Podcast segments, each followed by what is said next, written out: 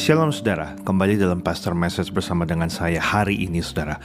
Saudara kalau kita lihat hari ini kehidupan kita dalam gereja kita ataupun dalam kita berbangsa dan negara saudara dari dulu sampai sekarang itu keadaannya menjadi lebih baik dari tahun ke tahun jadi lebih baik, jadi lebih modern.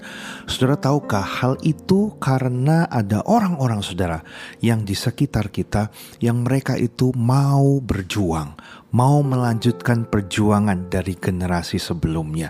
Sehingga di mana pun kita melihat ada satu hal yang baik saudara, bahkan lebih baik daripada tahun-tahun sebelumnya.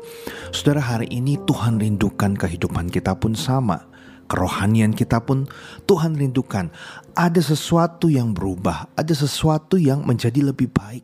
Karena itu saudara jangan untuk tidak berjuang dalam hidup ini. Tapi bersama-sama hari ini kita mau melanjutkan perjuangan hidup kita. Ada tiga hal saudara yang mau saya sampaikan hari ini.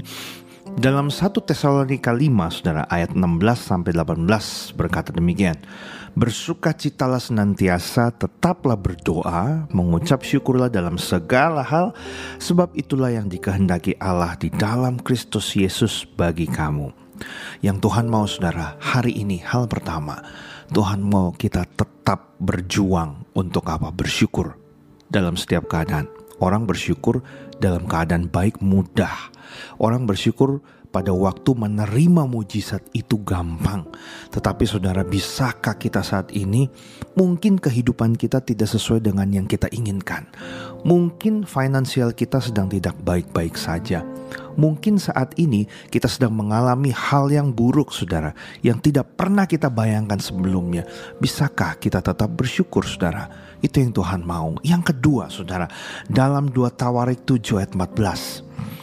Dan umatku yang atasnya namaku disebut merendahkan diri, berdoa, dan mencari wajahku, lalu berbalik dari jalan-jalannya yang jahat, maka aku akan mendengar dari sorga dan mengampuni dosa mereka serta memulihkan negeri mereka. Saudara, ada beberapa poin di ayat ini merendahkan diri berdoa, mencari wajahku, lalu berbalik dari jalan-jalannya yang jahat. Jadi hal pertama yang Tuhan mau adalah saudara, kita tetap berjuang dari hari ke hari untuk menjadi pribadi yang lebih baik, bahkan menjadi pribadi yang lebih berkenan, saudara, di hadapan Tuhan dari waktu ke waktu. Hal pertama apa? Merendahkan diri. Habis itu nggak stop sampai di situ, berdoa, mencari wajah Tuhan, nggak stop lagi, saudara ada sesuatu yang harus kita lakukan. Lalu berbalik dari jalan-jalan yang jahat. Jalan yang jahat itu nggak mesti kita menjadi koruptor, nggak mesti kita menjadi pencuri, nggak mesti kita mungkin orang yang melakukan perzinahan, saudara, dan lain sebagainya. Tetapi saudara, pada waktu Tuhan suruh apa, tapi kita tidak nurut, saudara, untuk melakukannya. Contoh misalnya mengampuni tapi kita masih saja kesal dengan satu orang tersebut tidak mau mengampuni.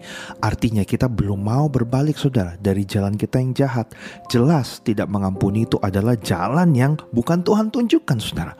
Bahkan mungkin kita sebagai pelayan Tuhan harusnya mungkin kita mengasihi orang lain, memperhatikan orang lain, tetapi kita lebih mementingkan saudara apa yang menjadi tujuan kita, motivasi kita sehingga kita menggadaikan saudara kebahagiaan orang lain demi apa?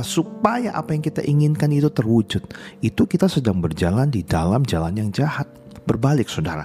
Dan yang ketiga yang terakhir saudara dalam ulangan 31 ayat 6.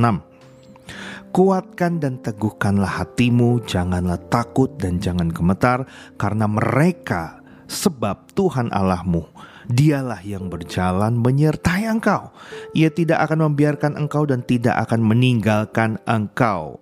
Saudara, hal yang ketiga, kita harus terus melanjutkan perjuangan iman kita di dalam Tuhan. Dan tentu saudara jangan selamat sendiri. Tapi kita perlu juga saudara dampingi siapa? Pasangan kita, anak-anak kita, anggota keluarga kita, supaya kita bersama-sama berjalan ini saudara di dalam iman kepada Tuhan dari hari ke hari ada pertumbuhan, ada perbuatan nyata konkretnya saudara dari apa yang kita mengerti yaitu firman Tuhan yang kita baca, yang kita dengar. Sehingga hal itu bukan menjadi sebagai suatu satu uh, pengetahuan saja saudara. Kita bisa berbicara mungkin kepada banyak orang dengan luasnya, dengan lugasnya saudara berbicara tentang firman tetapi pada hakikatnya kita tidak melakukannya. Nah, itu yang Tuhan tidak mau dalam hidup kita. Jadi saudara, berjuang bersama-sama. Hari ini saudara, firman Tuhan ini berkata, "Jangan takut dan gemetar karena mereka." Mereka itu siapa? Ya hal-hal yang membuat kita mungkin takut, gemetar.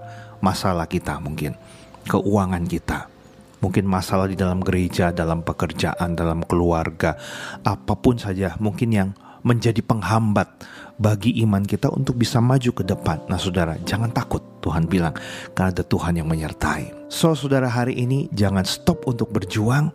Mari lanjutkan perjuangan hidup kita bersama dengan Tuhan. Dan saya percaya semua mendatangkan kebaikan dan hidup kita akan semakin berkenan di hadapan Tuhan. Tuhan Yesus memberkati setiap kita.